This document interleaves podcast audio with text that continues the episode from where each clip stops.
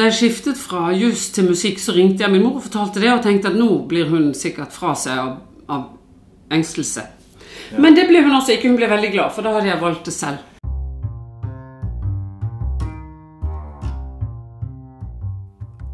Velkommen til Til Nordlendingen, en podkast om musikk og sceneliv av og med Christian Krokslett.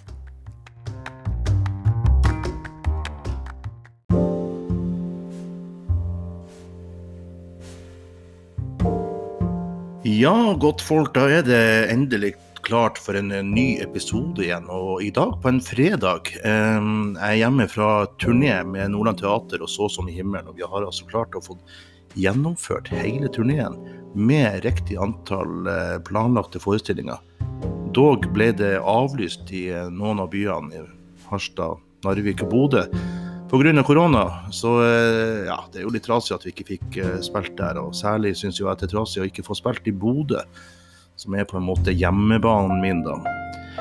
Men eh, vi har vært på en fantastisk eh, reise der, og eh, nå på slutten av turn- turneen så tok jeg meg en prat med hun Elisabeth Moberg, entertainer, eh, skuespiller, sanger, som eh, nok mange kjenner som en av kvinnene på randen som, eh, som herja både scener og TV-skjermer for, eh, for noen år siden. Um, hun kom på besøk på mitt fasjonable hotellrom på Fru Haugans hotell i Mosjøen, og eh, vi tok oss en prat om sceneliv og kultur.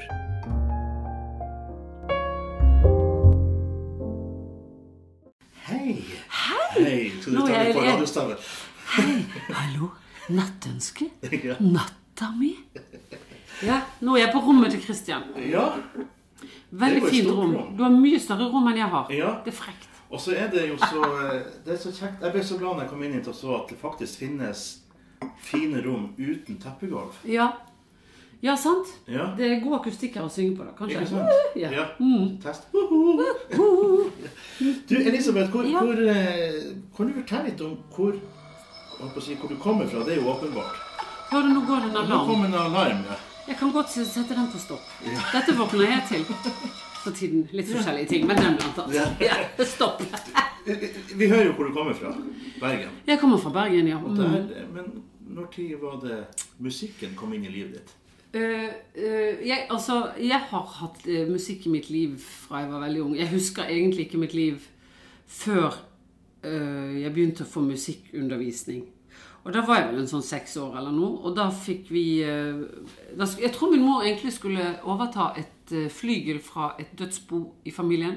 Og så snakket hun med mennesker rundt omkring, og så sa de at kanskje lurer å ha det var veldig vakkert, sikkert. sant? Men uh, lurer å ha et godt piano, kanskje, istedenfor istedenfor det.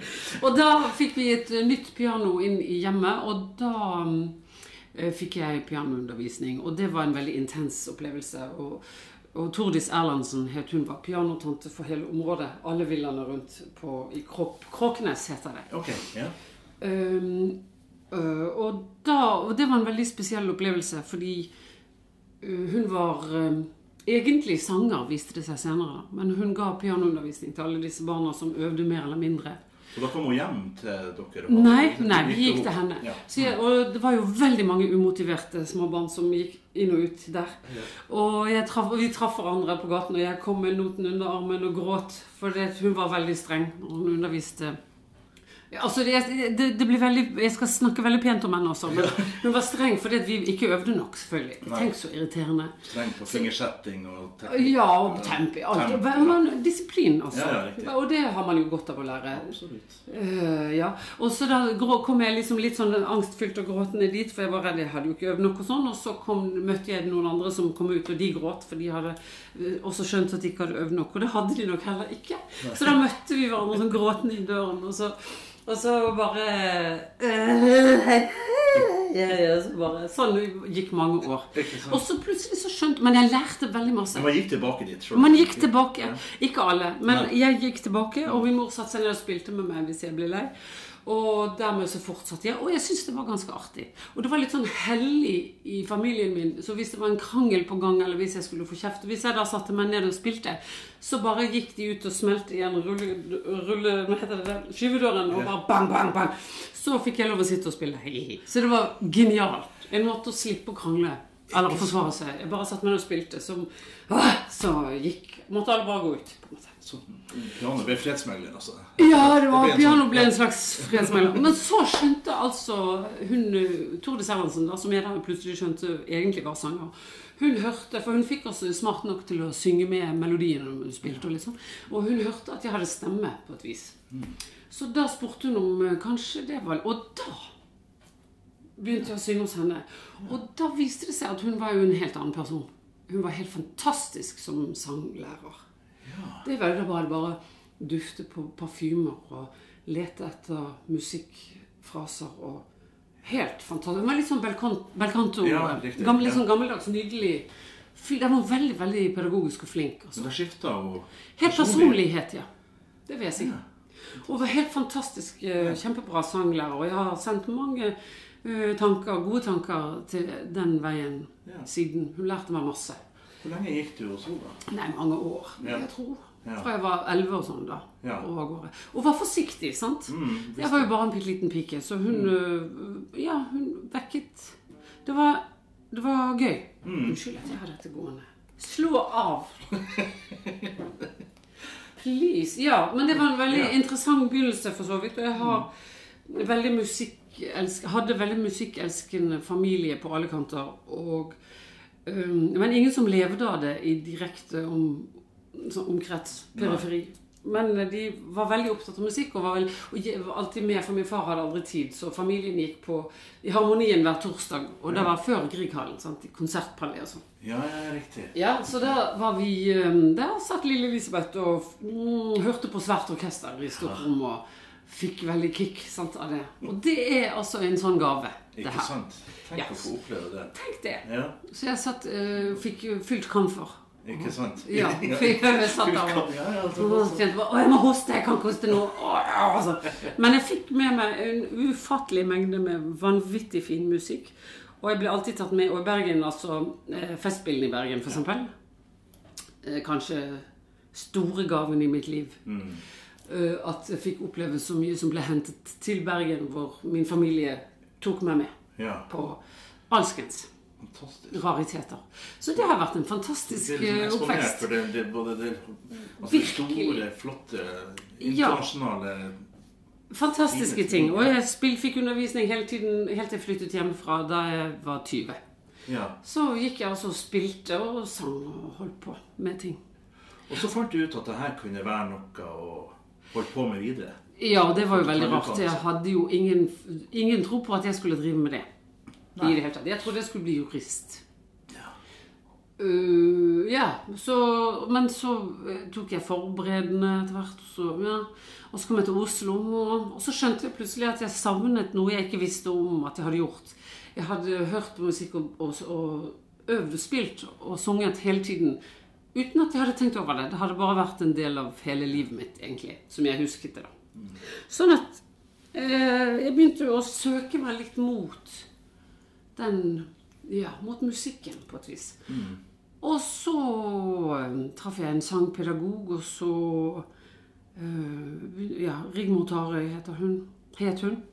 Hun er dessverre død nå. Men hun var eh, veldig fantastisk og åpen. Hun kunne masse, og så var hun veldig åpen i forhold til stilarter og alt. Og ut fra bare å utvikle stemmen. Var opptatt av sunne ting, egentlig. Eh, Så jeg gikk hos henne, og så studerte jeg på eh, Musikkvitenskapelig institutt i Oslo.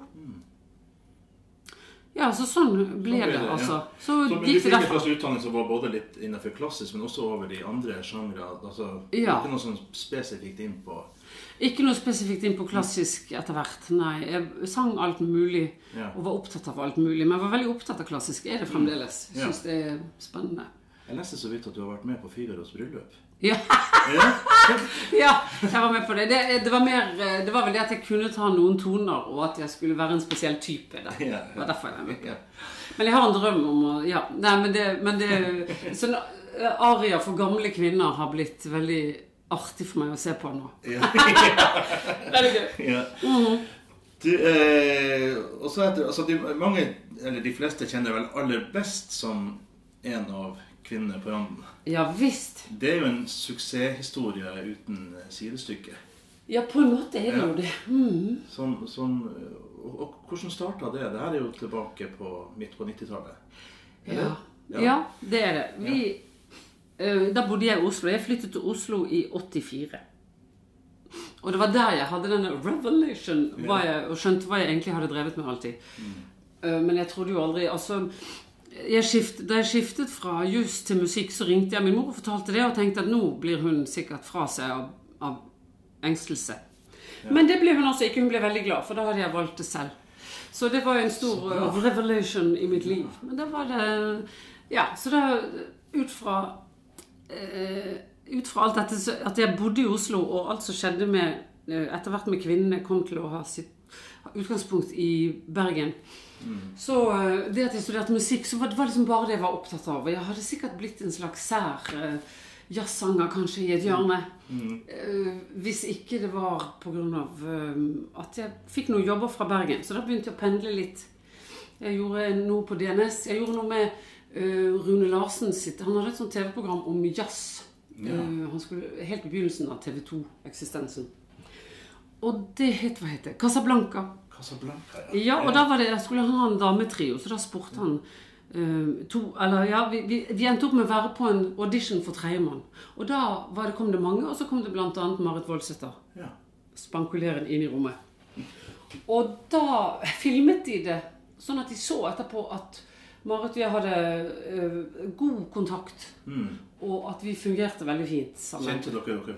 Nei, da kjente jeg henne ikke. Men jeg hadde sett henne så vidt. Ja. Eh, for det var veldig bra revymiljø i Bergen. Så jeg hadde truffet henne Ikke truffet henne, men jeg hadde sett henne. Og jeg syntes hun var ufattelig vittig. Og hadde en veldig sånn kjærlighetsfull Kjærlighetsfull tilnærming til det hun fremstilte. Til figuren hun fremstilte. Så eh, ja, så kom vi sammen igjen eh, på DNS. eh, Så vi gjorde den TV-serien da med Rune Larsen. Og så kom vi sammen igjen på DNS. Det var Ain't Misbehaving Jazz igjen. Ja. eh, Som ble satt opp der, og vi var, hadde det helt fantastisk kjempegøy. Og det er akkurat sånn, hvis det folk fungerer sammen med musikalsk og sånn scenemennesker, så blir man nesten forelsket. You know. Man blir nesten sånn Altså, det, Har du god kjemi, så blir det jo Og det der var helt ekstremt, altså. Ekstremt god kjemi. Og hun er så vittig. Jeg syns fremdeles ja, hun, jeg synes hun, er det hun er det vittigste jeg vet fremdeles. Det er jo helt fantastisk. Og det der er lenge siden. ja. Ja. Så det var veldig gøy. eh, Sånn, Og så var det etter hvert så var det Hilde Sol Erdal og Arvid Ornes som har vært kjempeviktige i mitt liv. Fordi eh, kunnskapsrike, vittige, eh, kloke mennesker som har De tok tak i et prosjekt som ikke ble noe av, som var et guttekabaretprosjekt, tror jeg. Og så ringte de til Marit fordi hun var aktiv i dette miljøet i Bergen. Jeg bodde jo i Oslo hele tiden her. ja. Og så, så for tenkte jeg kanskje vi skulle lage en damekabaret. Og da foreslo Marit meg. Og så foreslo hun Kjersti Berge, som hun kjente litt. Grann. Og jeg, hadde, jeg kjente så vidt Kjersti òg. Hun har litt sånn lik bakgrunn som meg. Sånn borgerbarn som har undervisning og opptatt av kunst. kunst. Da.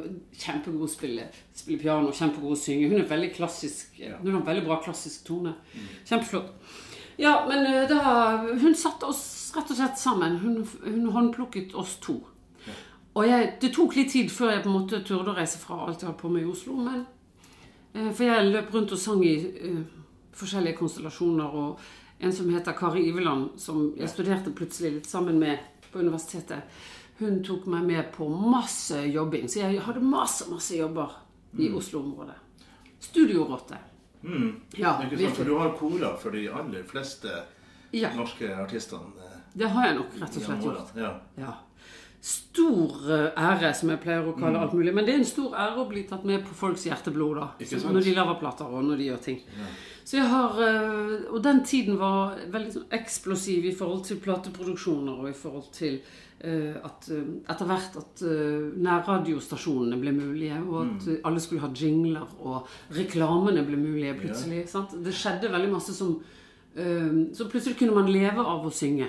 Også og alt dette koret, og jeg hadde også jazztrio, og jeg sang i forskjellige sammenhenger. Ble hentet inn som sanger til alt mulig. Ja.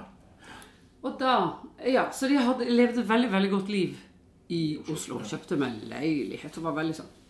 Ja, Men så begynte jeg altså å bli trukket mot Bergen og mot dette prosjektet her. Ja. Og det var jo en fantastisk opplevelse. Og jeg sa nei takk til masse, for jeg skulle sjekke ut hva vi kunne få til. Følte jeg, da. Og tenk, eh, så ble det altså helt absurd. Ja. Altså, det er en veldig rar ting å ha opplevd det, for man blir helt um, tallblind, og man blir helt um, Ja, altså det, Alle jobber jo alt de kan med det man holder på med, Ja. og så plutselig er det et eller annet som treffer. Og det kan man godt drømme om, og sånn, og det er helt ufattelig når det skjer, men de aller fleste får ikke den opplevelsen der. I, altså, det er jo rent kunstneriske én ting, og, men at det rent praktisk lar seg løse, at du kan øh, Plutselig hadde vi masse TV-program. Sånn, Ja. At folk ser det og har lyst til å bruke det på ting. Det er en sånn stor gave. Og det er det som er vanskelig med denne bransjen. At man kan ikke bestille det. Du kan bare jobbe alt du kan. Ikke sant? Altså plutselig så er det et fast grunn, eller et, noe sånt som åpner seg opp en mulighet som er Ja. Når, når kjenner man på det? At man eh, hvordan, hvordan kjente du at eh, en trygghet i å kunne forlate Oslo da, altså, og så satse på å være med på den der? Det tok jo veldig mange år. Ja. Ja, det tok mange år. Vi hadde hatt suksess lenge. Jeg skal se, vi, eh, fire og- fire-fem år, tenker jeg. Mm. Da flyttet jeg til Bergen. Men det var, det var egentlig også mer sånn praktisk. Jeg tror jeg liker veldig godt Oslo. Jeg tror ja. nok jeg hadde bodd der hvis ikke det var fordi eh, at uh, Altså, vi reiser jo rundt hele tiden, Ja. så det er på en måte det samme hvor vi bor. Samme hvor, Ja. samme, det er samme hvor man betaler skatten. Da. Ja, egentlig. Det er jo på en måte det. Ja. Sånn at man uh, Ja, jeg fant vel ut at Altså, jeg kjøpte mitt barndomshjem. Ja. Mm. Flott. Kom hjem igjen. Kom hjem. Kom hjem. Ja. Det Og så er det jo veldig hyggelig i Bergen, jeg må jo si Det det. Det. Det skal jeg være helt enig i. Ja, så kjekt. ja, Ja. ja. Men du vet, vi nordlendinger har jo alltid valfarta til Bergen. Men... Du. har jo det. Vi er jo så takknemlige for det. Ellers hadde vi ikke eksistert. Nei, nei, nei. Så jeg er glad at de garpene på Bryggen lurer nordlendingene litt. Ja, ja. Men sånn er det. Ja. Eh, Du, eh, og så ble det jo masse forestillinger og TV-opptredener og sånt. Men du, så har du gjort en drøss med musikaler og, Ja, det har jeg og, og film og. Animasjonsfilmer som du har lagt på stemme på. Ja da. Har gjort masse forefallende sang og Ja. tale for så arbeid. Ja. Og nå er vi på tur her. ja. Ja, Så som i ja så som i himmelen. Og nå er vi snart ferdig, altså. Ja, det er det. Mm. det er, Dette blir sikkert sendt når vi er ferdig spilt. det blir det. Da har vi kommet hjem, og så har vi fått på oss rene klær. Ja, det blir fint. Ja, det blir godt. Ja. Men det blir rart å forlate. Nå har vi eh, Det sies en plass i eh, forestillinga at nå har vi kjent hverandre i så og så mange dager. Ja. Men jeg tror nå har vi kjent hverandre i 100 og, Ja, 106 dager, eller hva det er for noe. ja det er lenge. Jeg telte så vidt over det nå. Ja. Det er lenge. Vi Fra begynnelsen av desember, ja. Mm. I holdt på å si den rareste tida, holdt på å si fredstid i Norge. ja. Eh, å få lov å kan reise rundt som det her er, og være så heldig å ha Nordland Teater som oppdragsgiver i dette. Tenk at de Ja. tør. Tenk at de tør. Og denne, denne turneen har jo etter hvert utviklet seg til å bli en slags blåtur. For vi kan jo ikke dra inn i byer med, store byer med masse smitte. Nei. Så vi har jo vært forbi altså, Vi kunne jo ikke dratt til Harstad, vi kunne ikke dratt til Narvik, vi kunne ikke dratt til Bodø. Ja. Det var litt att og fram der, men Ja, vi kunne jo ikke dra dit. Ja. Det er jo helt kjemperart. Det er de største salene, egentlig. De Største salene, ja. Så, Ja. Men, mm. men eh, vi har jo fått spilt riktig antall forestillinger fordi man kaster seg rundt og får satt opp ekstraforestillinger Ja. der det er mulig å gjøre det. ja. Det. Virkelig fabelaktig arbeid av eh, teatret, må jeg si. De har vært kjempemodige og kjempegode. Og det føles viktig Ja. og riktig å dra. Det er staten som sender oss ut. Det er jo det. Et privatteater kunne ikke ha gjort dette, for å Nei. si det sånn. Nei, Eller hvis man hadde veldig mye private avtaler, så kunne vi ikke ha gjort dette. riktig. Så har vi jo, vi har jo begge to eh, engasjert oss litt i den her eh, merkelige kulturpolitikken som har vært i det siste. Mm. Eh, ikke at vi skal snakke så mye politikk, men det er liksom eh, Man får man får kjenne på det eh, hvor viktig det er å formidle om hva kultur er. Ja. Hvorfor er det viktig? Eh, og jeg syns det er litt vanskelig å, å, eh, å formidle om det på en måte som gjør at det ikke er Jeg var så vidt inne i en, i en annen episode her, at man ikke bare ber for sin syke mor, men å si noe hvorfor er det vi har kultur. Og kultur er jo ikke bare at det er noen som står der og synger. Altså, det er noe grunnleggende i, i samfunnet vårt. Ja. Eh, og du har nettopp skrevet i, nå i går, eller nå på mandag Ja, BT uka, eh, satte det opp. Ja, jeg sendte det til BT. Ja. Ja. En, en kronikk om som går litt på hva Ja, kjempe, ja, det må alle lese. Det er veldig viktig lesning. ja. Nei, men det er jo akkurat det. Hvorfor er kultur viktig? kjente, er du kjente et behov for at, eh, Ja, virkelig, at nå altså. må det ropes litt høyt. Ja, for plutselig så var det masse snakk om at nå kan det Etter korona så blir det Kan vi ha 20 mennesker på, i pokerlag istedenfor bare 10? Og så tenkte jeg, hvorfor eh, snakker man om det nå? Eh, Hvorfor er det viktigere enn å snakke om hva som foregår faktisk i kulturlivet akkurat nå? For oss, f.eks. Altså at dette her det er staten som egentlig i bunn og grunn finner det viktig at vi reiser rundt og gjør det vi gjør. Og likevel så snakker man helst om andre ting, og man stenger ned Altså når det beviselig ikke er sporet smitte tilbake til teatret og, og, og de små konsertene hvor man har oversikt over hvem som sitter hvor, og smittevernet er veldig tydelig, så er det så rart at man kutter ned på den, øh, den delen av det vi driver med. Det er veldig rart. Hvor det, det er ikke uoversiktlige horder som tusener på tusener som velter inn på busser og sånn for å reise. Det øh, det er en ganske liten mengde allerede. Ja, det er det. Det er små Altså, kohorter som allerede Små kohorter som kommer, og som kommer og som bare blir opplært og minnet på uh, smittevern under en pandemi. De kommer og ser på oss, og de blir påminnet virkelig om det. Og opplever og sitter og griner for ja, altså, altså, Du kan godt grine for sin syke mor, f.eks. For Ja. Fordi mor er syk, og hun trenger medisin. Ja, ikke sant? Ja, ja, man, vi har alle mye å grine for. Altså. Ja. Og det er derfor man griner på sånne ting vi driver med. Så det er gjenkjennelse på et eller annet vis. Og dette er en veldig På en måte en veldig sentimental, men fabelaktig forestilling. Som dreier seg om de virkelig gjenkjennelige alle, Og det du gjør sant, med Håndfrid, hvor eh, Håndfrid plutselig gir beskjed til, til sin mobber. Sånn, nå må du holde opp. Ja. Det er helt fan, altså griner sånn, Jeg står alltid, jeg tenker alltid sånn, jeg må ikke stå i denne stillingen, for det kommer en tåre ned, og så henger den fra nesen jeg ser på deg. Så jeg, jeg kan ikke bevege meg nå, for dette er et veldig hellig øyeblikk. Søren. Mm, ja. Men det, tenk at det er sånn at man griner eneste, på scenen Ja. hver eneste dag. Helt fra prøvene så er det altså en intens Mm. gjenkjennelse. Og alle har opplevd å være på et eller annet sted i en sånn situasjon. Det er det. At man er mobber eller mobbeoffer, eller bare har sett på. Og sånn. det er hvor intenst det er. Sant? Ja.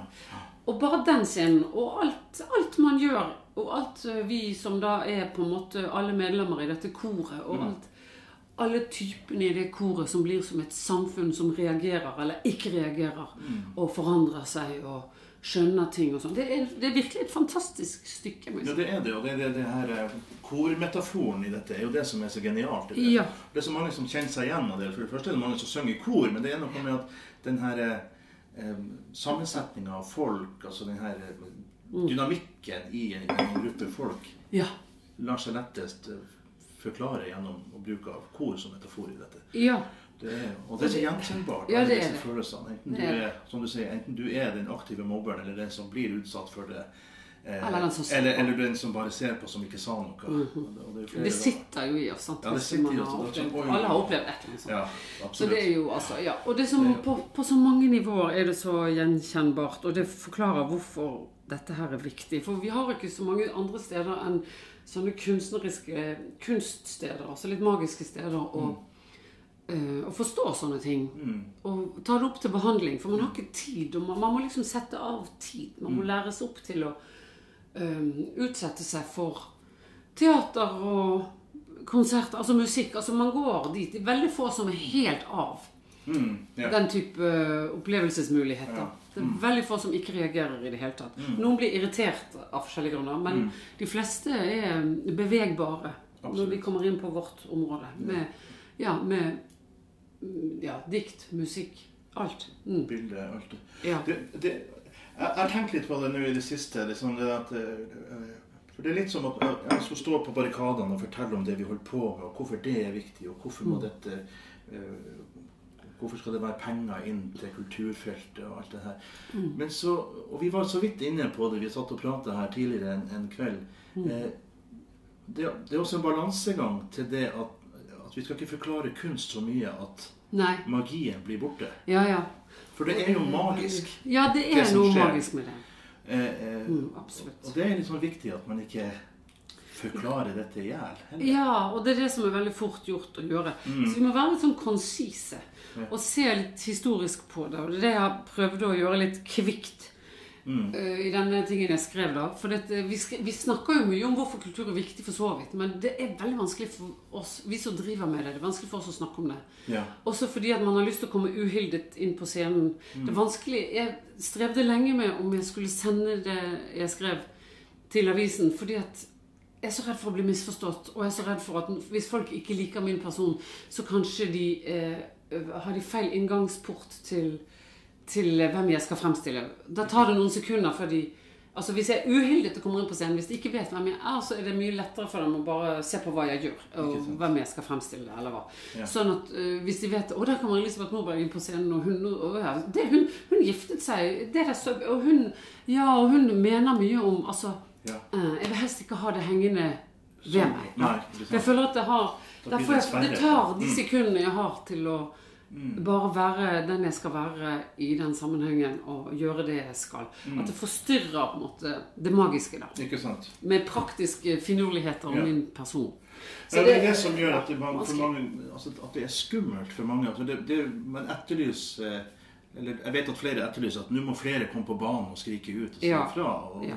eh, Jeg blir veldig inspirert av deg, Ja, for at du skriver om, og du uttaler deg. Ja. Og så blir jeg eh, av eh, Emilie, som Ja. spiller, Spiller eh, fiolin hos oss, og hun eh, skrev også noe. Og Jeg blir veldig inspirert. til Vi, vi må jo ikke være så redde for dette. Vi må ikke være så redde for det. Men, men det er som du sier, vær konsis, sånn at det er At det ikke blir så veldig emosjonelt, for Nei. da er vi lett å ta. Vi er jo emosjonelle mennesker, er men det er alle. Vi alle sammen er det. Ja. Og de som også skal, skal se på det vi gjør, og, og på en måte ta, ta Ja. inn over seg dette det er, Og Vi er bare mennesker, alle sammen. Vi er bare mennesker, Ja. og jeg tenker at sånn i forhold til vår bransje, og at alle tenker at alle har sugerør i statskassen, og alt det som Ja, har Listhaug holder på med plutselig igjen, så er det jo interessant at alle bransjer i hele universet trenger jo Alle har et eller annet sugerør inn i flokkens statskasse hvis man skal utvikle seg og eksperimentere og få ting til å fungere. Altså olje og gass og havindustri og alle de svære greiene vi holder på med her i landet, f.eks. Um, alle må jo eksperimentere. Alle, alle prøver å finne opp dingser og ting som Og alle må ha støtte fra et eller annet sted. Ja, ja. All butikkdrift. Alle trenger på en måte å videreutvikle seg. Det er ingenting som står på stedet hvil. Alt, alt går videre. Og hvis man bare har hyperkommersiell drift for øye, så eh, man, man må passe Man må være i utvikling, og man må være i oppfinnermodus for å ikke råtne på rot. Sant? Det er det jeg prøvde å skrive om. det. Ja. At dette gjelder ikke kulturen, dette gjelder alle bransjer. Det gjelder alle bransjer. Alle må ha hjelp. Og det er flokkens prinsipp at vi finansierer ting som flokken trenger. Og alt, alle ideer er ikke gode. Det er en Ja. del ideer som går i dass, faktisk. Og det Ja. gjelder ikke bare det gjelder ikke det er Akkurat som det er blitt kriminelt å lage et eh, eksperimentelt teaterstykke som folk bare fnyser av å gå forbi. Og ikke, folk blir redd for å gå på ting som de tror de kanskje ikke kommer til å like. Ja. Og anmeldere skriver om det de har lyst til å se, de har lyst til å se, istedenfor det de ser eller hører. Det er altså Uh, vi, vi må være våkne. Vi må skjønne at kultur er akkurat som alle andre bransjer. Vi holder på med ting. Noe går veldig bra, noe går ikke så bra. Men det meste er veldig interessant å få med seg. Det meste skyver oss jo fremover. Ja. Det gjør jo det. Og- Forhåpentligvis. Forhåpentligvis. Ja. Ja. Det, det absolutt gjør det. ja. Eh, du, eh, når du nå har holdt på gjennom alle disse årene her Mm. eh, Stått på scenen, i studio og alt. Ja. Høydepunktet er kanskje flere. Ja, det er jo mange. Ja. Eh, på en måte så er Ja, når jeg ser tilbake på min karriere ja. Ja, altså jeg begynte å leve det i 88, tenker jeg, relativt presist. Kanskje litt før det. Ja. Men eh, det er jo kjempelenge, altså. Apropos 88, da var det Melodi Grand Prix Ja, Melodi Grand Prix. sammen med Terry Hart. Terry Hart, Terry ja. Ja. Ja. Mhm. Riktig. ja. Det var Trygve Hoff. Var det det? Trygve Hoff sin tekst og Christian Lindemanns melodi. Den var Ja. veldig fin. Ja. Sånn. Men eh, ja, eh, og det var artig å gjøre. Mm. Og fra da av så ja, Hva var det den gang, da? Jo, det var Anita Skorgans 'For vår jord'. Jeg ble tatt inn i koret til den, så da dro vi til Dublin. Og da begynte jeg liksom å, å leve av det. Det bare skjedde. Ja, Det bare skjedde. Man ble sett og brukt. ikke sant? Ja. Notert. Ikke misbrukt, brukt. Brukt. I ordets Ja. beste forstand. Ja. Eh, Ja, og det er jo Og så s- Da hadde jeg spilt altså min forsiktige vei ut i offentligheten. For jeg sang ingenting for folk andre enn min familie eller for meg selv eh, i Bergen. Det var aldri noe sånn Opptrådte ikke. Min far ville gjerne at jeg skulle være med på konkurranser, men min mor stoppet det. Så, Og jeg er så takknemlig for det nå. ja. At jeg fikk beholde vettet eh, da jeg var ung i utvik rivende utvikling ja. innvikling. Så det er veldig bra, egentlig. Men, eh, men eh, det var altså Jeg begynte å synge på Det var masse masse kafeer som spratt opp slutten av 80-tallet. Oslo særlig. Alle steder, men særlig selvfølgelig Oslo. Begynte med kafé uh, Sjakkmatt, husker jeg. Jeg fikk helt sjokk da jeg kom der. Det var så hipt. Bevares. Ja da, Og så var det masse jazzklubber og masse greier. Og sånn. Og, og så vandret jeg rundt i Oslo, og der var det altså det var altså så mange steder å tjene litt penger, sant? for eh, jeg var student og sang. Og øh, begynte virkelig å like det. Og kjente at det gjorde noe med meg som jeg virkelig likte. Det å øh, formidle og konsentrere seg om et uttrykk og bare følge det og undersøke det. Også, det kunne være på kafé, altså. Det var interessant. Og jeg spilte på Smuget, det var veldig viktig. Smuget, Den første Smuget i Kirkegaten i Oslo. Ja. Der uh, var fantastisk sted. Det var masse musikere og journalister og ja, alskens folk som bare kunstnere som kom dit og spiste og hørte på musikk og drakk og ja, det var to scener der. Tre, To-tre scener. Ja. Da satt jeg på restauranten med min jazztrio og spilte der i noen år. En eller to eller tre ganger i uken. Fantastisk, for da traff man jo så mye mennesker. Og jeg kjente jo mange, for jeg hadde koret for dem etter hvert. Sånn, ting og sånn. Ja, så det er et voldsomt nydelig miljø i Oslo, da. Mm. Som jeg det var, så, det var min vei inn, langsomt inn. Sånn. Og det var nok. Mm. Det var rett og slett Det var nok penger, for så vidt, men det var nok eh, Det var tilfredsstillende, da. Mm. Fordi at eh, jeg fikk gjøre så mye forskjellig, og det var masse flinke folk jeg traff, og som tok meg med på ting. Og, ja. Så jeg hadde masse konserter, små konserter, og masse Ja, med folk jeg studerte med. Og med ja. Så mulighet til å bygge seg en erfaring. Og sånn. Ja, ja. Og studioarbeidet har jo vært veldig viktig. Jeg passet nok, passer nok veldig godt til det. Jeg liker meg veldig godt. Jeg er skikkelig studiorotte og liker å forske på eh, Det er jo veldig kontrollerte omgivelser og sånn, men at man kan eh, bygge musikkunivers som er eh, endeløst. Masse muligheter. Det er fantastisk. Men hvis du skulle plukke ut ett sånt høydepunkt i din karriere Ja, Det må jo være premieren til Kvinnene, f.eks. Det forandret mitt liv veldig. Og at jeg øh, ja, jeg kan sende en varm tanke til hun som lærte meg å spille piano først. Jeg lærte meg å, være forsiktig med stemmen min først, og det er jo samme menneske. Og så alle som har lært meg alskens, og alle som, har fått, som har tatt meg inn og så tenkt at min stemme kunne være fin på et eller annet, og har brukt meg. Det er et sånt langt, stort høydepunkt som gjelder veldig mange mennesker i Norge. da. Virkelig. Og utlandet òg, for så vidt, men mest Norge. Eh, Så det er liksom et sånt langt høydepunkt som har gått over hele karrieren min. At man har blitt sett og plukket ut til å få være med på ting som var spennende. Og så er det Kvinner på randen som er sånn åpenbart eh, wow, altså. Det var, vi, vi, det var uh, bitte liten Det er sånn viktigheten av å ha små puber på et vis. Altså Det var en pub i kjelleren på eh, Ole Bull-huset. Det fins jo fremdeles, men nå er alt annerledes der, selvfølgelig. Men da var det altså Den stundesløse var en pub hvor det var masse kabareter, julekabareter og sommerkabareter og alskens kabareter. Påskekabareter! Yeah. Men hvor jeg var og så litt ting da jeg var i Bergen og sånn i sin tid. Og øh, at øh, vi skulle, håpet altså Kvinner på randen, vi hadde premiere, og vi håpet det skulle komme Det var februar 96, og vi håpet det skulle komme Kanskje altså Kjersti har en stor familie her, kanskje det kommer 60 stykker eller noe sånt. Og så var det plass til jeg vet ikke, litt over 200, 250, og da så ingen noe nesten. Men eh, da var det sprengfullt fra den første dagen når vi skulle spille i tre uker, og herlighet, altså. Det var Det var bare en sånn ufattelig sjokkerende stemning. Ja. Og ja, så måtte vi stoppe fordi at Kjersti var gravid. Hun måtte føde. Dessverre. altså Sånn måtte det bare bli. Men det var Ikke jo i løpet av premieren. ikke i løpet av premieren. Vi hadde tre uker, så stoppet vi.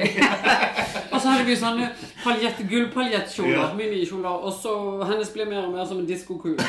Det var fantastisk. Og det var altså så mye, så mange enorme opplevelser. Ja. Og det var første gang jeg gjorde den type ting, eller det var det for så vidt ikke, men at det var skrevet for oss. Og, ja. Um, ja, at det var veldig sånn Og jeg var sammen med disse to andre som var ganske drevne i kabaretverden. Det var jeg egentlig ikke. Jeg kom inn som en sånn sær musikktype fra siden. Og de bar meg gjennom det og skjøv meg av gårde på ting jeg ikke trodde jeg kunne gjøre. Sant? Så, mm. Kvinner på randen, eh, det, det er noen kvinner i mitt liv. Det er Kari Iveland, og så er det Kvinner på randen. Som særlig har vært sånn viktig, som har skjøvet meg frem Riktig. og tatt meg med. Og eh, sagt 'det kan du gjøre'. Og så bare gjør. Men da vi da snakker om, om, om, om, eh, om eh, personer som har vært viktige i livet mm, Alle har jo et forbilde. Ja. Har du et forbilde? Um, ja, det var det. Ja, jeg har mange, sant. Det er jo så mange forbilder. Og hva bruker man et forbilde til? Ja. Mm. Uh, man strekker seg etter forbilder man lærer av og sånn, ja. Altså, eh, jeg tenkte min favoritt eh, jeg, hørte du spør, jeg har hørt at du spør disse spørsmålene her. ja. Det er veldig vanskelig å plukke ut noen. Men det jeg pleier å komme tilbake til når jeg øh, Hvis jeg liksom står litt stille og leter etter inspirasjon, eller er veldig, det har vært mye kav veldig lenge, og sånn, så går jeg tilbake så det er rolig, og så hører jeg på øh, Kirsten Flagstad, for eksempel. Purcell, eller sant? At øh, det er for meg veldig sånn f- forklarende for, for øh, Ja, der Mm. ligger det mye fint. Ja. Eh, Så hun er et forbilde, må jeg si. ja. ja Så rent kunstnerisk, da. At hun, eh, og hennes historie, og at hun bare mm, sto i det. På et vis. Mm. For det er vanskelig altså Det har vært veldig mange. Det har vært, eh, min mor elsket gammel jazz, og så elsket hun klassisk musikk. Og da Så jeg elsker jo det. Altså, jeg har arvet det. Så alt fra eh, Ella Fitzgerald og Sarah Vaughan og de gamle store og, og Glenn Miller og alle disse svære gamle jazztingene som var populære på ja, 40-tallet, kanskje. 40-50-tallet. 40. 30, 40, 50. 30-40 Ja, Ja, det- altså, det er gammelt. Mm, Det gamle. Gode. Når jeg hører de gamle lydene fra sånne tykke plater, Ja. sånne min- ligger bare og Ja. rister i rillen, liksom. Ja. Den fantastiske Ja. lyden fra orkesteret Ja. og sånn. Og min mor hun snakket om musikk sånn at ja, ja, trommisen må gå lenger vekk fra mikrofonen og sånn. På Ja. moderne musikk. sånn. Ja. Så hun hadde, hun, ville hun hadde på en måte ikke noe ordentlig forhold til eh, eh, Ja, altså, hun, det, altså Nesten alle mennesker stopper på et eller annet vis. For man har ikke tid til å følge med lenger. Så man digger det man digget da man var ung. sant? Ja, ja. Og det er jo helt naturlig. Det er så det- ja. Så jeg blir, helt, jeg blir satt ut og lykkelig av det. Og så elsker jeg ABBA. Det kom inn rett inn i hjerteroten da jeg var ti, og det har bare forblitt der. Så jeg elsker det. Men tenk altså for en suksess Ja. og for dem å skrive At de har jo bare skrevet hytta. Ja.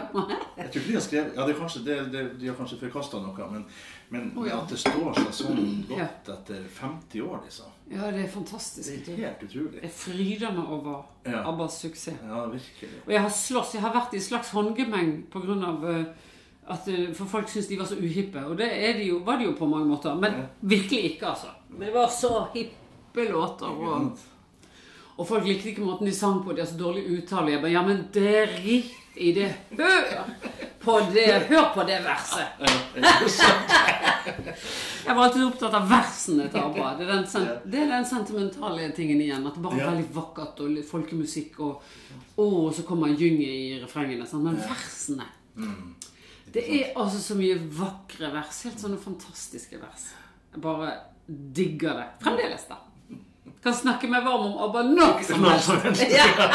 Vi får ta det i en annen Ja. Men, men det, det, du, du snakka jo varmt om, om, om tida i, i Oslo, og hvordan du kom inn i eh, Det har ikke jeg snakket så mye om, så det var veldig rart å snakke om. Ja, ja det, men det, jeg bare sitter og tenker her nå at eh, holdt på å si, det, er ikke noen ny spalte jeg skal introdusere, men, men, men, eh, men har du noe hvis det er noe, noe spesifikt råd, tips du vil gi til unge musikere og sangere i dag som skal eh, hva, hva, hva, er det man på en måte bør unngå? Hva burde man tenke på?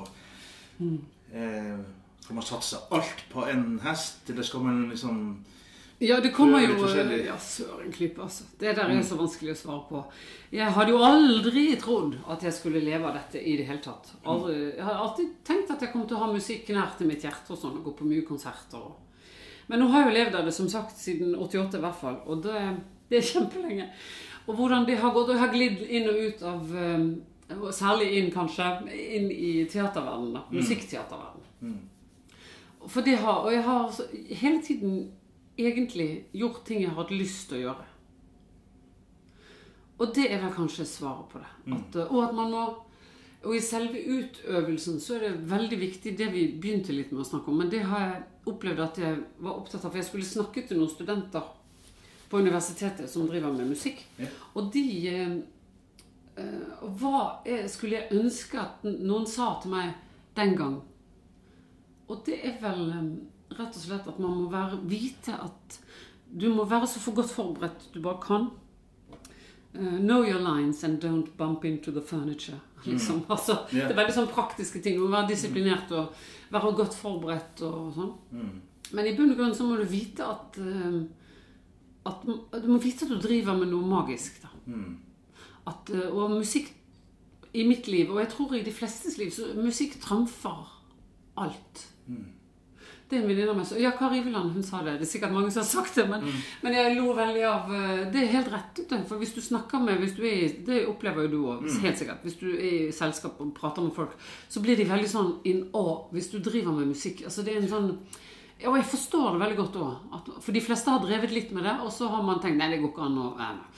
Av en eller annen grunn så har vi fortsatt. sant?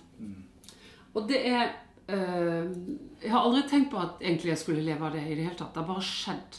Og jeg har valgt det hele tiden. Istedenfor å Jeg kunne jo gjort noe annet og tilsynelatende mer fornuftig. Sånn. Kunne blitt lege eller sånn. Reddet liv, f.eks. Som jo er fornuftig. Men jeg føler på en måte at vi Skal gjør ikke det. si at ikke du har redda liv. Jeg har nok reddet en hel del. Ja. Ja. Men, også, men, men, det, men det er en magisk aura over det vi driver med, og det må vi på en måte akseptere. Så hvis du opplever at For jeg kjenner at veldig mange unge de er redde. Redde for å stå på scenen, og redde for lys og lyd, og redde for eh, Egentlig. Man blir, for man, man må lære seg å gi seg over. Hvis du er godt forberedt. Det er en grense for hvor godt forberedt man kan bli på et vis. Uh, På et eller annet tidspunkt må man bare Slippe det. Yeah, step into it og gi det, gi det til musikken på et vis. For meg er det sånn. Jeg gir, jeg gir det fra meg. Jeg gjør så godt jeg kan, og så gir jeg det fra meg til musikken. Og, la, og så får det skje eller ikke skje. Jeg kan ikke bestemme hvordan folk skal oppleve det. Jeg kan bare forberede meg og gjøre hva jeg kan for å få levert ut en, en eller annen melding. Men det er, det, er, det er rett og slett en magisk ting. Det er akkurat som jeg pleier å si, at det er som en, et bilde hvor det plutselig kan det være et tomt lerret som taler til deg, eller det kan være et tomt lerret med en strek som er bare helt fantastisk. Og det er det samme med musikken. At det er bare Av og til kan man forklare hvorfor man liker ting, og av og til kan man rett og slett ikke forklare det. Kan, jeg kan sette opp eh, disputas over eh, grunner til at et eller annet taler til meg eller er viktig, eller sånn. Men det er, Men eh, i bunn og grunn så er det mer enn det. Det er større enn meg. Mye større. Jeg, måtte, jeg prøver å ta meg selv litt ut av ligningen når jeg skal opptre. Så det føler jeg er et godt råd til unge, da. At du må forberede deg. Det er ikke noe slapt over det i det hele tatt. Men du må forberede deg alt du kan. Og så må du slippe det. Og gi det over til magien og til det som fyller deg. Grunnen til det Husk hvorfor. Hvorfor holder jeg på med dette? Det er et eller annet. Og det er, de fleste vil nok si at det er en eller annen magisk grunn til at de Og jeg tror ikke på Åndenes hus og sånt. Jeg har ingen forståelse for det overhodet. Og jeg har opplevd veldig mye rart. Men det tenker jeg, det meste kan forklares på et eller annet tidspunkt frem i tid. Men eh, akkurat det der med musikk og magi og hvordan man oppfatter og hvordan det kan forandre mennesker og sånn, det har jeg veldig tro på. Og at hvis du er ung og redd for ikke å spille rett eller ha riktig klang eller Det er så mange ting Man skal gjøre ting rett. Og det skal man jo helst. Men som oftest så skjer de fine tingene når du er litt på leting. At vi, vi driver med noe som er mye, mye større enn oss selv. Og vi må slippe oss selv. Det har ikke noe med oss å gjøre i den forstand. Det har noe med noe stort å gjøre. Ikke nødvendigvis religiøst eller noen ting som helst. Det bare er stort. Men ja. Det er mange muligheter. Det, og, det, og jeg har blitt så forandret av eh, mange konserter. Bare tenk, wow, sant? Og eh, jeg kan ikke forklare akkurat hva som skjedde. Jeg kan godt sette masse ord på det, men jeg kan ikke forklare det hvorfor det skjedde. Det har med hvordan jeg, min dagsform den dagen, den som gjorde det den dagen, den, ja, sant? hvor jeg var, var altså det har, det, Alt spiller inn. Ikke sant? Og vi er kan det som ikke kontrollere alt. Det er jo det som gjør liveopplevelsen så Ja. spesiell. Altså, Ja. vi, vi, når vi nå sitter her og prater, så er, det, er vi bare timer under, unna neste forestilling. Ja. Vi, vi vet jo hva vi skal gjøre, men vi vet ikke hva som egentlig kanskje kommer til å skje i kveld. Nei. Og det er jo det som er så spennende med det. Ja, det er veldig spennende. Og kanskje det der uforklarlige magien skal få lov å være nettopp det. Den skal få være der. Ja. Og det har ingenting med min dagsform å gjøre, og men det har mye med øh, hva som skjer, bare. Og hvis jeg, har, hvis jeg har en veldig dårlig dag, det har man jo innimellom, og går på scenen, så skal ikke det Jeg må virkelig prøve å ikke la det influere hva jeg gjør. Sant? At jeg må bare være Jeg skal gjøre det jeg skal gjøre. Det er veldig viktig å se på det som en jobb. Yeah. Og hva det betyr, kan man jo grunne over. Men det er på en måte det. At ikke, hvis man, for man, ellers blir man så nervøs hvis man har en dårlig dag. Yeah. Man må kunne slippe det. Og man kan slippe det. Det blir akkurat som en slags går liksom parallelt på sida. Altså, Ja, det liksom, gjør det. Altså, det, er, Ja. det er jo også en utfordring som kan være ganske heftig å, å stå, over, stå i. Det, altså, når, Ja. når plutselig livet setter litt på prøve, men så skal du likevel på jobb Ja. og underholde et publikum. ja. Kanskje eh, som, som sanger, skuespiller, klovn, eh, you Ja. name it. Ja. Men så skal man liksom legge det der på sida der. så skal man liksom, Det er jo en ja. Og det går. Ja. For de aller fleste, for alle som holder på med dette, går det stort sett. Hvis ikke så må man rett og slett dope seg for å få det til, og det er dumt. Ja, det, er godt. det funker, det funker dårlig i lengden. Det Det funker stort sett dårlig. Ja. Men du, kvinnene kvinner skal jo nå eh, på scenen igjen Ja, ta-da! Ja. til høsten. ja, tenk. Hva, hva, hva det, Også, ja, det var altså rett og slett eh, Marit skulle egentlig ha den høsten vi skal inn på nå. ja. For sitt soloshow. Men så hadde vi det altså så gøy, fordi eh, Ole Bull Teater, som dette teatret da heter, hvor vi skal være, det, eh, det gikk så dårlig med det, for det, ble jo stengt ned. Du vet, denne epidemien. ja, det er noe som har skjedd. Pandemien, ja, ja. ja. Ja. Så da fant vi ut at vi skulle inn og, inn og redde, rett og slett. eh, Mm. Prøve på det. Så da hadde ikke vi jobbet på 15 år, og så satte vi opp da en forestilling. Vi spilte en forestilling fire ganger for å redde teater, og ga det. Altså, og i det var jo fjor, i fjor i Ja, det var juni i fjor. juni i fjor, ja. Juli 2020. Mm. Og det var 15. juni, det var den dagen man fikk lov å være 200 plutselig. Ja. Så det var egentlig en, en Ja, det var en fantastisk dag for Ja, så da spilte vi, og da hadde vi i full fart øvd opp. Eh, Vi gikk jo da igjennom, og det var jo altså så gøy. For når man ser tilbake på Vi har jo gjort eh, tre lange TV-serier og masse arbeidsteiper fra masse forestillinger. Sant? Vi spilte jo forestillingene De tre siste forestillingene spilte vi jo i to år. Sant? Eh, Fordi vi hadde vært på TV. Og da selger man billetter over hele landet, viser det seg. Ja. Så der dro jo vi altså Vi spilte mange måneder i Bergen og mange måneder i Oslo, og så dro vi på turné resten. Så hadde vi en ferie innimellom. Men det, var, det er jo en fantastisk opplevelse. Det er jo eventyret der som åpnet seg opp. Men da hadde vi jo altså så mye å velge imellom. Så at det er jo ti år holdt vi på. Sånn at, øh, Og hva er mulig å få til? Og det meste hadde jo med musikk å gjøre. For det er litt lettere å komme på. Altså Du husker det lettere hvis det ligger inni et musikkstykke. eller noe. annet. Og det var jo altså Jeg har ledd sånn av hva vi holdt på med. For før så så jeg på det mer med sånn jobbeøyne og bare så alle feil eller alle ah, der kunne vi ha gjort mhm. Men nå bare gir jeg meg over og klasker meg på lårene og ler. sant? Ja, for nå kan, du, kan du være tilskuer. til Ja, jeg kan være tilskuer. Ja. Det er jo kjempevittig. Vi var jo helt grønn i trynet da vi holdt på med alt dette her. Sant? Vi jobbet som gale. Ja, Så folk liksom turde ikke si hei, for vi så så gale ut på gaten og sånn. De bare gikk over på andre siden av gaten. Herregud, så Nei, nå er de trette. Oi! Ja. Stakkar folk. Ja. Så, Så- vi har jobbet hardt. Ja. eh, Vi jobbet hardt. Men, men nå var det altså da disse fire forestillingene, og det var jo, viste det seg så gøy at uh, vi skal vi kanskje Ja. Så nå eh, tar vi altså slåtten til eh, Marit, Marit soloshow og gjør Kvinner på hånden istedenfor. Det er jo magisk. ja. Kjempegøy. Og da, men da er, det, da er det basert på det stoffet som dere har, har fra de fire forestillingene? Ja, Ja. ja det, det vi og vi, mer. Vi har øvd masse. Før jeg kom til Oslo i desember og traff deg, Ja. så hadde vi allerede øvd ganske lenge. Ja. Vi har øvd masse. Vi, Ja. vi liker ikke å øve for så vidt. Vi har det veldig gøy når vi øver, men vi liker å ha øvd mye. Ja, ikke sant? Og bare at man er godt forberedt, for Ja, hva som helst kan skje. Og man vil jo helst ha litt magi, så Mm. da må man være godt forberedt, ja. Så ja, så eh, nå har vi øvd enda mer enn vi hadde i juni, så, Ja. og vi skal øve når jeg kommer tilbake eh, når vi er ferdig her, så det er jo om et par dager, Ja. så fortsetter vi å øve. Riktig. Og lage preproduksjon og sånn. Og, da skal dere spille hele høsten, eller blir det Jeg vet ikke hvordan det blir. Det kommer an på. Jeg har ikke sjekket hvor mye billetter vi har solgt. Men jeg så vi var inne på oktober. Så vi skal i hvert fall spille september og litt oktober, og så får vi se hvordan det går. Så spennende. Tenk så gøy. Det blir sånn Det er akkurat som Vi må jo håpe at verden er normal igjen i september. Men det vet man jo ikke. Vi får se på mutantene. Men hvis det nå eh, plutselig åpnes opp sånn som de lover at det Ja. skal bli Det blir vanskelig å Jeg syns jo de er tøffe som lover det, men Mm. Da, hadde er jo ikke timinga Kunne ikke vært bedre. Nei, det er jo veldig fantastisk. Tenk for en Tenk en fest. For en høst og for en fest det kan bli. bli. Ja. Ja. Jeg kommer til Bergen, jeg. Ja, sant. Du er så velkommen. Ja. Du må komme. Jeg kommer til Bergen. Du må bare komme. Det er jo, men det kan virkelig bli gøy. Og vi har funnet masse ting som vi Gamle eh, Gamle Ja, hva skal man kalle det? Sketsjer? For å si noe gammeldags. Ja. Ja, og masse eh, Og vi har ledd mye før jeg kom i desember til Sånn som i himmelen. Så lo vi mye i Bergen av gamle ting. Så jeg håper at det blir, det blir en jubileumsforestilling. Altså. Det er 25 år siden i år. Så det er 25 år siden vi startet. Ja. Mm. Det var i 96 februar. ja, riktig. Det er jo ganske gøy. Det er ganske Ja, lenge siden. Ja.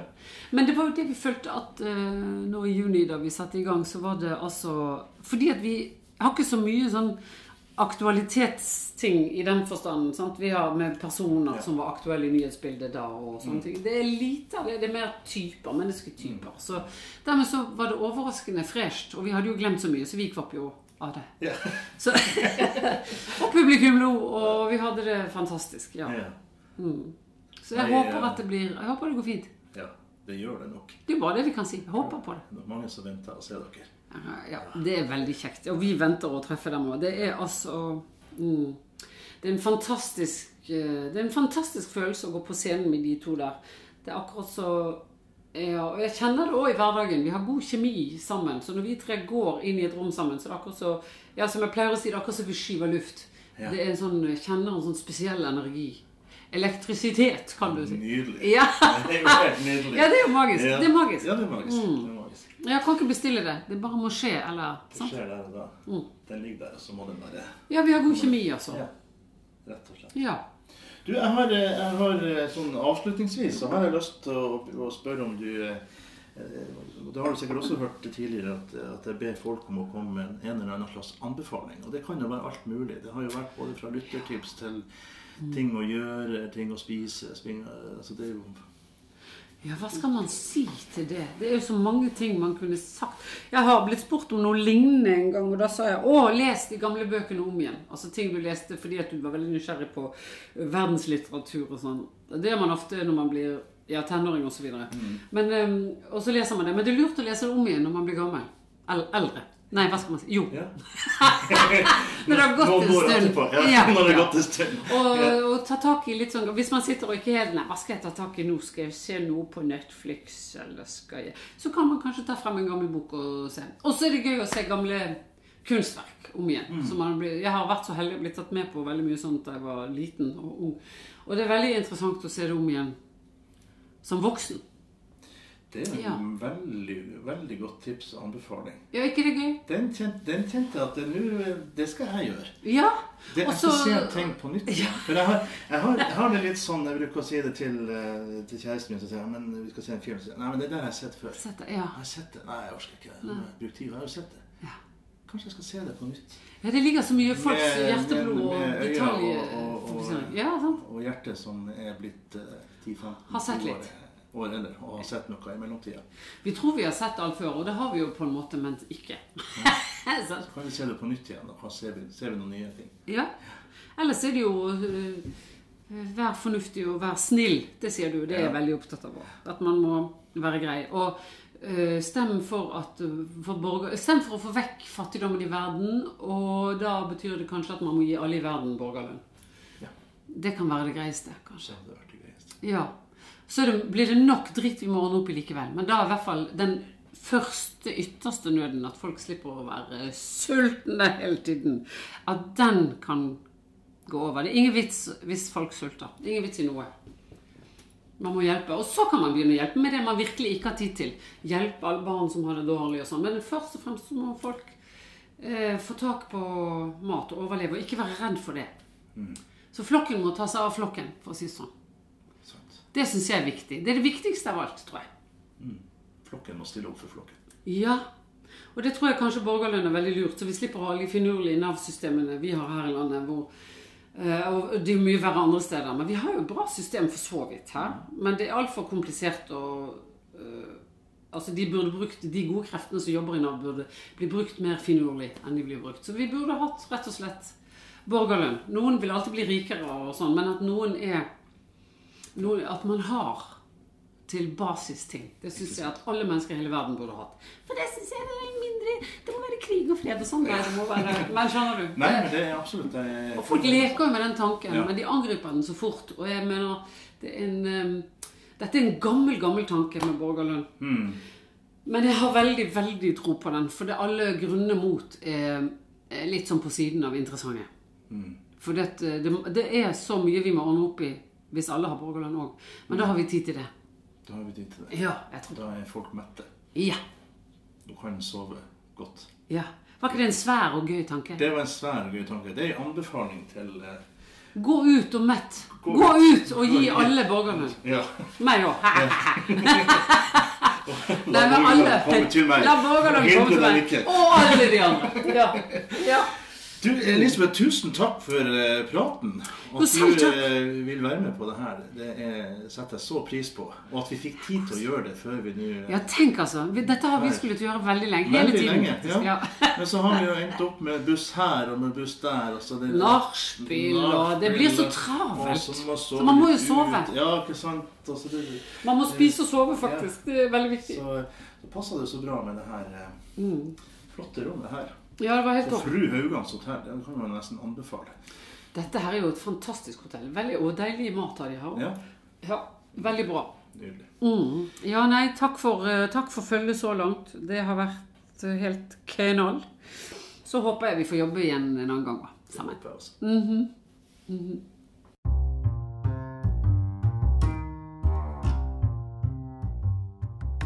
Denne podkasten er laga av meg, Kristian Krokslett.